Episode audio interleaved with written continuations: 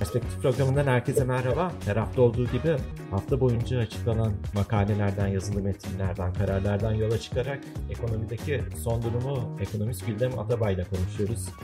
Güldem Hanım merhaba, nasılsınız? Merhabalar Sinan Bey, iyiyim. Teşekkür ederim. Siz nasılsınız? Ben de iyiyim. Merkez Bankası beklendiği gibi para politikası kurulu toplantısında 250 bas puanlık bir faiz artışı yaptı. Ben size faiz kararının kendisini sormayacağım ama faiz metnine baktığımızda parasal sıkılaştırma sürecini desteklemek için sterilizasyon araçlarının çeşitliliğinden söz edildiğini gördük. Hemen sonrasında ek bir karar açıklandı ve bu sterilizasyon araçlarının çeşitliliğini arttırmak için TL depo alım ihalelerinin düzenleneceğini söyledi. Bu karar sonrasında ne anlama geliyor, nasıl uygulanacak bu konuşulurken Fatih Özatay'ın bir paylaşımı vardı. Ben size onu sormak istiyorum aslında. Bu TL depo alım ihalelerinin başlanmasının sebebi ne olabilir? Uygulama nasıl olacak? Ne anlama geliyor? Bunları tartışıyordu. Siz hem Fatih Özatay'ın bu e, paylaşımını nasıl yorumladınız hem de Merkez Bankası'nın kararını nasıl değerlendiriyorsunuz? Merkez Bankası'nın kararı aslında beklendiği gibi e, zaten mesajını bir önceki toplantıda vermişti. Ben artık e, yavaş yavaş hani bu işin parasal sıkılaştırma sürecindeki e, faiz artışlarının sonuna geliyorum. Bundan sonra işte dünkü metinde de var miktarsal sıkılaştırmayla devam edeceğim diyor. Tam böyle Fed'in yaptığı miktarsal sıkılaştırma gibi değil ama bahsetmeye çalıştığı hem piyasadaki likiditeyi yöneteceğim işte tam da Fatih Hoca'nın yazdığı şekliyle e, hem de işte krediler yoluyla piyasayı e, sıkılaştırmaya, zaman zaman ince ayar yapmaya oradan devam edeceğim mesajını veriyor. Enflasyon tarafındaki yani beklentileri, öngörüsü henüz piyasayla uyuşmuyor. Özellikle 2025 ile ilgili olan kısmı. Ama 2024 tarafında da bir e, fark var. Henüz daha tam çıpalanmış değil beklentiler.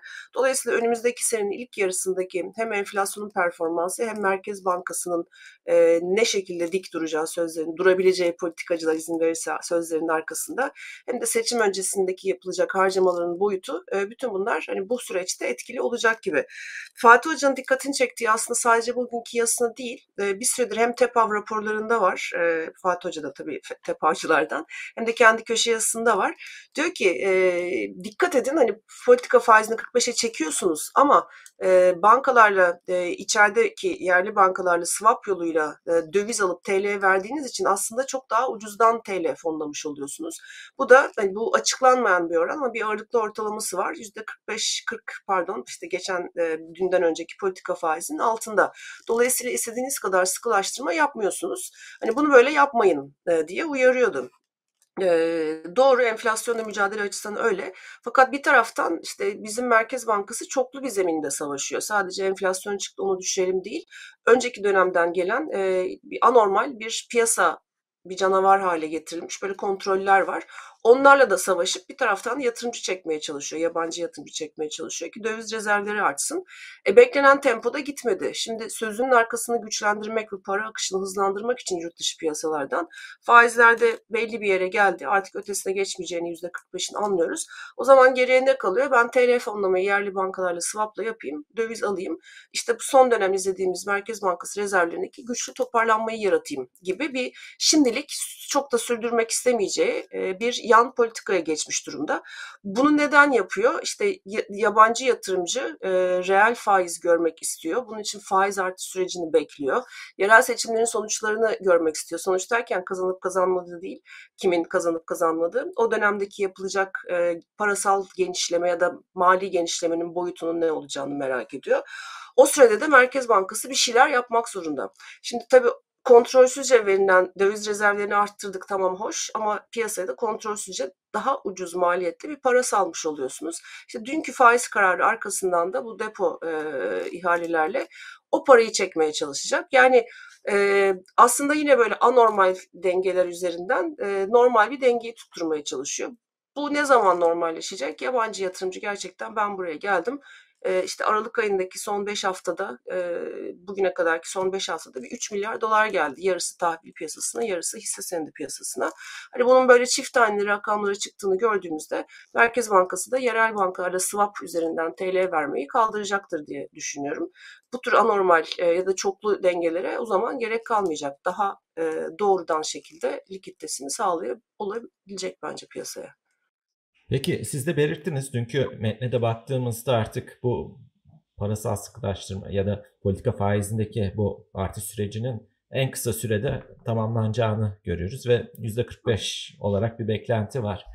Ee, bir yanda bu duruyor. Diğer yanda Morgan Stanley ve Goldman Sachs'ın bir tespiti vardı. Onlar diyor ki eğer ki asgari ücretteki artış beklenenin üzerindeki bir seviyeye ulaşırsa o zaman Merkez Bankası için önümüzdeki dönemde daha fazla faiz artışlarının kapısı açılmış olacak diyor. Siz böyle bir şey bekler misiniz? Ben beklemiyorum. Ee, daha fazla faiz artışı yerine başka şekillerde dün tam da Merkez Bankası'nın belirttiği gibi miktarsal sıkılaştırma önlemlerini ve sterilizasyon önlemlerini çeşitlendirerek bu süreci yönetmeye çalışacağını düşünüyorum. mesela en en basitinden iki aydır ötelenen bir kredi kartları faizlerindeki artış var. Politika faizini arttırıyor, bunu kredi kartına yansıtmıyor. Çok basit bir nedeni var. Önümüz yerel seçimler. Hani çok da fazla boğmak istemiyor tüketiciyi zaten. Zor işte tüketici kredileri faizleri %60'lara çıkmış durumda. Mesela burada bir anda bir gecede uyguladığı zaman zaten tüketicinin soluğu kesilecek o anlamda. Dolayısıyla bir takım önlemler var. Ben %45'in ötesine e, hani çıkması gerekir gerekmez tartışmalarından bağımsız asgari ücretteki seviye sebebiyle e, ya da iç talebin güçlü seyredeceği e, beklentisi üzerinden ek faiz artışları yapmak iste, isteyeceğini düşünmüyorum. Yap, politik olarak bunu da yapmak istemeyecek. Çünkü bir taraftan da reel sektörün kredi faizleri var. Zaten ekonomide belli bir yavaşlama olacak. %4,5'lar, 4.3 büyümeden %2-2,5 seviyesine ineceğiz. Paranın maliyeti çok yükselmiş olacak. Aynı dönemde konjonktürel olarak hani biz iç talebi yavaşlatıyoruz ama dış talebideki yavaşlamanın da 2024'te bütün bu küresel e, büyük merkez bankalarının parasal sıkılaştırma sonrası dış talepte de çok önemli bir yavaşlama olacak. Yani reel sektör o anlamda bir kıskaç altında olacak. E, TL'nin reel olarak değer kazanacağı bir dönem. E, verimlilik artışı kısa vadede elde edemeyeceklerine göre yine rekabet TL üzerinden ne yazık ki gideceği için e, ben Merkez Bankası'nın o şekilde gitmek isteyeceğini sanmıyorum. Bu işi bir de asgari ücret artışına bağlamak sanıyorum çok da doğru bir politika da olmayabilir. Çünkü geçtiğimiz dönemin enflasyonuna bakarsak %40, %50 bir asgari ücreti de artışında yapmayalım demek. Geçmişteki enflasyona karşı ücretleri ezdirmek. Hani bütün bu süreçte enflasyonu biz neden yaşıyoruz sorusunun cevabı tam tartışılmıyorken çok doğru bir yaklaşım olmayabilir. Etkisi olmaz mı? Olur elbette bir yüzde kırklık bir, yüzde ellik bir gelir artışının 3 aylık, 4 aylık bir talep yaratması, e, enflasyonu o anlamda besleme açısı, açısından e, ancak e, hani sebebinin tam olarak bu olduğundan e, emin olamıyoruz e, enflasyon tarafındaki ana dinamiğin en azından. Peki sizin asgari ücret beklentiniz nedir? %45'ler civarında, 40-45 civarında bir artış görmeyi bekliyorum ben. Zaten Ama... aslında yazılan raporlardan da anlaşılan, özür dilerim lafınızı kestim. Ee, onun üzerinde bir artış olursa daha ekstra faiz artışları gelmesi gerekir diyor. Buradan şunu da anlayabiliriz. Yüzde 55, yüzde 60 bir faiz, e, asgari ücret artışı değil. Yüzde 45'leri yaptıktan sonra mesela Temmuz'da ben bir daha yapıyorum derse e, olabilir. Hani o evet e, o, o zemin o zaman geldiğinde enflasyonun geldiği seviye ve diğer dinamiklere bakarak bunu e, tartışabiliriz ama şu anda ben orada olduğumuzu düşünmüyorum. Tüm bunun yanında tabii ki bir de asgari ücret enflasyon ilişki tartışması var. İktisat ve Toplum dergisinde Profesör Korkut Borota, Profesör Erinç Yerden ve Profesör e, Ahmet Haşim Köse'nin bir makalesi vardı. Orada da hem bu ilişkiye bakıyorlar ve diyorlar ki ücretlere ücretler enflasyonun başlıca nedeni değil aslında diyorlar. Diğer taraftan sizin de e, takip etmeniz içinde bulunduğunuz TMOB'un Sanayi Kongresi vardı 2023 yılı için. Orada da Türkiye sanayisi ve dünyadaki son gelişmeler ışığında nasıl bir sanayileşme olması gerektiği tartışılıyor. Türkiye'nin ne durumda olduğu tartışılıyor. Orada da baktığımızda ücretlerin eridiğinden söz ediliyor ve e, sanayinin yüksek enflasyonla kar patlaması yaratılan bir dönemde arkasında durmak için ya da destek vermek için ücretlerin bir taraftan eritildiğinden söz ediliyor. Siz bütün bu tartışmalara nasıl bakıyorsunuz? Ne noktadayız? Yani ben o bahsettiğiniz sanayi kongresi işte 15-16 Aralık'ta e, Ankara'daydı. Ben de bir sunum yaptım orada ama hani benim hani sunumumu boş verebiliriz. Orada çok değerli, çok büyük isimler vardı benim katıldığım gün itibariyle. Ee, hani konuşmacılar e, Bilsay Kuruç mesela ilk açılış konuşmasını yaptı. Orada öyle bir sanayi resmi çizdik ki hem yüzyıllık perspektifi verdi hem bugünden hem dünden bağlantıları kurarak anlattı. Müthişti. Yani böyle bir e, vizyon sahibi birinden bu kadar çerçevenin çizilip kafadaki bağlantıların netleşmesi açısından ben çok e, faydalandım bu kongredeki bütün katılımcılardan. E, onun dışında bahsettiğimiz hani işte Erinç Hoca'nın, e, Ahmet Haşim Hoca'nın, Korkut e, Hoca'nın makalesi zaten çok detaylı ve aydın. Hani bunu biraz iktisata ilgi duyanların ben okumasını öneririm. Hani benim anlatacağım kısmının ötesinde. Çünkü burada diyor ki 30 yıl öncesinden farklı bir yapı var. Hani bu kapitalist ya da e, Marksist ekonomik yaklaşımlardan çok e, artık o bağlamdaki ya da o farklılıklardan da kopmuş bir şekilde e, anlattıkları şey IMF'nin bile raporlarına giren hani ana akım iktisatçıların e, artık tartışmaları içinde rakamlarla ortaya koydukları 30-40 yıl öncesinden çok farklı bir e, yapıyla karşı karşıyayız hem dünyada hem Türkiye ekonomisi açısından.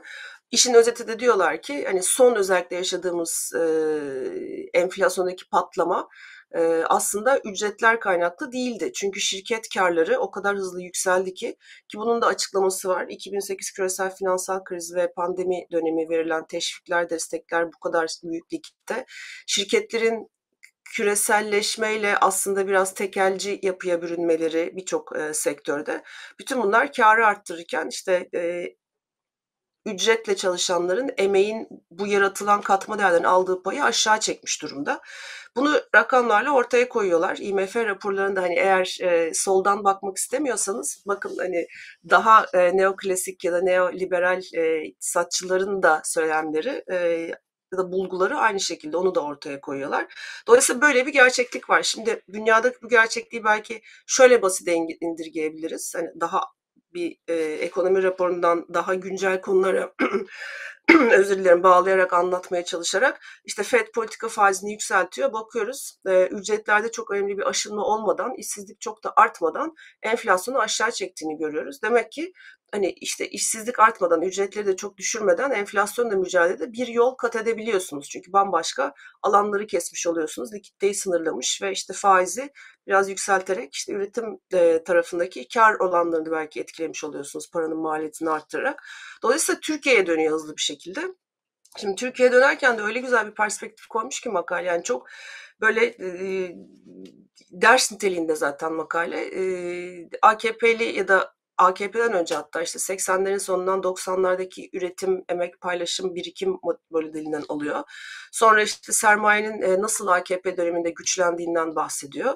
E, ve fakat e, işte AKP'nin de kendi dönemi içinde e, 2015'e kadar olan süreçle 2015'ten sonra 2016'dan sonra 2022-2023'te bambaşka bir e, yere gittiğinden bahsediyor. Bunun içinde siyasi dönemeçler kadar işte 2015 Haziran seçimlerinin e, çoğunluğu kaybetmesi, Kasım'da olan seçimler, arkasından gelen e, işte bu darbe denemesi FETÖ'cüler e, ve onunla beraber daha işte başkanlık sistemi daha tek adamcı bir e, politik sisteme geçilmesinin ekonomik yansımaları da elbette olduğundan bahsediyor. Ve neredeyse hani böyle bir vahşi kapitalizmin dönemine geçildiğini ve çok güzel grafikler var. Mesela işte anlatıyor bize e, çok net bir şekilde. ISO 500 firmalarına ilk 500 e, e, sanayi odasındaki ilk 500 firmaya ikinci 500 firmanın bilançolarını inceleyerek yarattıkları katma değerden nasıl kar maksimizasyonu yaparken e, giderleri içinde emeğin e, nasıl düştüğünü anlatıyor. Yani bu hem Türkiye ekonomisi içinde biz her gayri safi milli hasıla büyüme verisi çıktığında tartışıyoruz. Uzun süredir işte sermayenin aldığı pay ne kadar artmış özellikle pandemi döneminde. Ücretlerin aldığı pay ne kadar azalmış. %35'lerden %25'lere 23'lere kadar gerilemişti. Çok bir iki çeyrektir bir toparlanma var. O da kalıcı değil çünkü seçim öncesi verilen desteklerle. Ee, hani bu bir taraftan bir de şirketlerin yapısından bahsediyor ve hani özet olarak şunu ortaya koyuyor.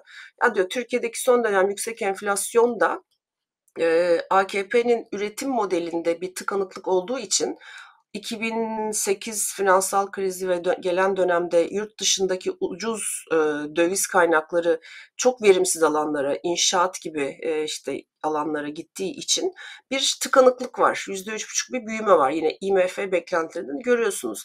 O yüzden ne yapacağız? Biz burada işte bir enflasyonu patlatacağız. E, tekrar bu yaratılan hareketten sermayeyi e, işveren tarafına aktaracağız. Emeğin gücü biraz daha düşecek. Toplam ya da payı biraz daha düşecek toplam yaratılan katma değer içinde. Böylece sanki işte bir 3 sene 5 sene daha ekonomi hareketliymiş gibi davranacağız. Bu süreçte de işte hane halkının aslında bu büyümeyi borçlanarak e, teşvik ettiği, desteklediği gerçeği işte enflasyon yarattı. %40'lar civarında yine IMF e, öngörülerinden e, referans vererek aslında oralara oturacak diyor. Ve sonuçta hani uzun lafın kısası uzun laf değil ama bu çok güzel bir resim koyuyor ortaya. Hani hem dünyadan hem Türkiye'den. Herkesin dediğim gibi merak eden, iktisatı anlamak isteyen dünyayı okuması gereken bir makale bence. Ee, bizdeki enflasyonun payında da asgari ücret işte tartışmaları eşliğinde bakabiliriz. Aslında yaratanın sermayenin aşırı yükselen karı olduğunu söylüyor. Bunu da sektör sektör ortaya koyuyor. Dolayısıyla hani Mehmet Şimşek'in lafına geliyor aslında. Bütün makalede öyle başlıyor önümüzdeki dönem orta vadeli program ve işte yeni kalkınma e, programı eşliğinde bizim e, as ücretleri beklenen enflasyonla arttırarak enflasyona mücadele edeceğimiz demek devam eden yoksullaşma sürecini ücretle hayatlarını geçirenler için artacağından bahsediyor. E, ve hani bu şekilde enflasyonla da bir yol alamayacağımızı zaten alınmak da istemediğini sermayenin de işte durağanlaşan e, ekonomik büyüme ortamında zaten bu şekilde desteklendiğinden bahsediyor. Çok acı bir gerçek. Çok aydınlat, aydınlatıcı o açıdan. Gerçekten zihin açıcı bir makale ve tüm izleyicilerimize de öneriyoruz okumalarını. Ee, teşekkür ederim ben de size aktardığınız için. Size kaparken iki tane hızlı soru sorayım. Moody's Türkiye için kredi görüşü raporunu yayınladı. Orada kredi görüşünün olumlu bir senaryoda bile olsa toparlanmanın davan alacağı, Türkiye'de ma- manşet enflasyon hala yüksek ve önümüzdeki aylarda da yükselmeye devam edeceği, büyümede sert bir yavaşlamanın beklendiğine dair tespitler yer alıyor. Siz Moody's'in bu raporunu nasıl değerlendirdiniz? Gerçekçi buldum. Moody's e, diğer S&P ve Fitch başta olmak üzere diğer iki e, ana kredi değerlendirme kuruluşuna göre zaten Türkiye hakkında her zaman biraz daha karamsar, pesimist, daha olgular gerçekleştikçe e, arkadan e, değerlendirmeleri değişen bir kurum olarak bilinir, biliniyor. O açıdan değişen bir şey yok. E, zaten vurguladığı hani Türkiye büyük bir ekonomi. Çok çeşitlenmiş sektörlerde e, üretim yapabilen bir ekonomi. E, son işte küresel şoklar ve bütün yaratılan durumlarla pandemi dahil e, ne kadar dayanıklı e, olabileceğini kanıtlamış bir ekonomi. Ve daha da önemlisi hani küresel anlamda bir borç krizi varken kamu açıkları eşliğinde e, Türkiye'nin böyle bir sorunu yok. Bu hani işin güçlü tarafları diyor. Fakat uğraştığı hükümetin ya da uyguladığı son dönemlerde bu e, an, e, ortodoks olmayan e, ekonomi politikalarından dönüş bir maliyet yaratıyor ve bu e, zaman gerekiyor bunları yarattığı makro dengesizlikleri çözmek için diyor. Bunun için de her zaman e, işte gördüğümüz üzere sistemsel bir şekilde hatta işte hukukun üstünlüğünden de bahsederek Türkiye'de aşındığından kurumlarla eşliğinde her zaman bir e, rasyonel politikalardan geriye dönüş riski e, olduğundan sistemin gereği e, Cumhurbaşkanlığı sistemi içinde gücün bir yerde çok fazla toplanması ve kurumların e, yetkinliklerin aşındırılması eşliğinde. Dolayısıyla sadece işte biz enflasyonu bu sene düşürdük. E, işte belli bir yere kadar getirdik. Faizi arttırdık. Faizi de hemen indirmedik politikalarıyla bu not artışlarının yatırım yapılabilir seviyeye doğru yönelmesinin zorluğundan bahsediyor. Yani Moody's biraz daha e, görmek istiyor. E, Türkiye'nin e, ne yöne gerçekten evrileceğini. Yani yolsuzluktan bahsediyor, hukukun üstünlüğünden bahsediyor, ifade özgürlüğünden bahsediyor, kurumsal kapasitenin başta işte Merkez Bankası'nda aşındırılmış olmasından bahsediyor. Bütün bunların da e, yani Türkiye'nin ilerlemesine bir takım engeller oluşturduğundan bahsediyor tabii ki. Yani bunlar bizim de hani hep konuştuğumuz sadece para politikasıyla hatta işte işin içine reformları sokalım maliye politikası seçici sektörler ya da kaynakların aktarıldığı sektörleri değiştirelim, verimlilik artışı sağlayalım. Evet bunlar gerekli para ki çok da konuşmuyoruz çünkü yok programın içinde istikrar programı sadece enflasyonla mücadele olarak aslında faiz indirdim faiz kaldırdım kısmındayız henüz. Ee, ama hani reformlar bu alanda yapılsa dahi e, hukuktan bahsediyor mu değiliz? E, bence gerçekçi bir yaklaşım. Çünkü patinaj yapıyoruz yerimizde. Bir de dikkat çekici bir nokta kamu, kamu borcunun önemli ölçüde artmasında borçtaki bu artışa bağlı olarak da ödenebilirlikte de bozulma olabileceğine dair bir risk de ortaya koyuyor evet, mu diye. Teşekkür ederim hatırlatmak için. Aynen öyle. Evet. Ee, peki kaparken son olarak Amerika'yı sorayım. Amerika'yı şöyle soracağım. Ee, biz Amerikan ekonomisini de Fed'i de uzunca bir süre tartışıyorduk ve yıl içindeki tartışmalara baktığımızda işte 10 yıllık faizlerin çok yükseldiğini, %5 seviyesine çıktığını gördük. Bir takım ekonomiste göre burada kalacaktı. Bir takım ekonomiste göre Amerikan ekonomisi resesyona bu sene değilse bile seneye girecekti. Enflasyonu düşürmekte başarısız olacaktı gibi birçok tespit, birçok beklenti vardı. Bugün geldiğimiz noktada 10 yıllık faiz 2023'e nasıl girdiysek o seviyede tamamlıyoruz. Geri çekilmiş durumda. Ee, enflasyona dair daha pozitif bir beklenti oluşmuş durumda. Fed'in politikalarına dair 2024 için daha pozitif bir beklenti oluşmuş durumda. Her ne kadar bazı ekonomistler hala resesyon ihtimaline göz önünde bulundursa da o olasılık azalmış durumda. Siz nasıl görüyorsunuz? Ya Fed gider ayak çok e, acayip bir iş yaptı. E, evet önümüzdeki sene pivot yılı denen bu faiz artışlarından sonra faiz indiriminin başlayacağı döngü olacağı belliydi. Ama işte e, tartışılan e, kalıcı bir şekilde enflasyon düşürülme noktasının ne olduğu, oraya orada olup olmadığıydı Amerikan ekonomisinin. Ama Fed son faiz kararında öyle bir açıklamayla beraber geldi ki Powell'ın ağzından ve diğer üyelerin ağzından. Dedi ki ben e, hani artık oradayım. E, enflasyonla mücadelede belli bir yol aldım ve üç tane faiz indirimini e, kendi öngörülerim, beklentilerim içinde koyuyorum dedi. Tabii piyasa böyle 2024'ün son çeyreği miydi, işte Kasım mıydı, Aralık mıydı derken böyle yıl sonuna doğru yazılan bütün raporlar büyük yatırım bankalarının neredeyse hepsi çöp oldu Fed'in açıklamasından sonra. Şimdi haldır tekrar beklentilerini değiştiriyorlar, küçük notlar açıklıyorlar. E, tahvil tarafında inanılmaz bir rally oldu. Yani e, sizin de gösterdiğiniz grafikte sene başında neyse sene sonunda oraya geldi. E, biraz destek veriyor ekonomiye. E, bu desteğin aşıya kaçmaması için belki arada ince ayar açıklamalar yapılacak ama artık hani piyasa bu gazı aldı. E, Fed'in de ağzından duyduktan sonra e, artık Mart'tan itibaren Fed'den faiz indirimlerinin başlayacağını, 150 bas puan kadar işte 2024'te bir 6 seferlik faiz indirimi yapabileceğinden bahsediyor. Avrupa Merkez Bankası biraz daha geriden gelebilecek. Onu da Nisan hadi bilemedik Mayıs'ta faiz indireceğinden bahsediyor. E, dolayısıyla fiyatlamalar biraz aşırıya kaçtı.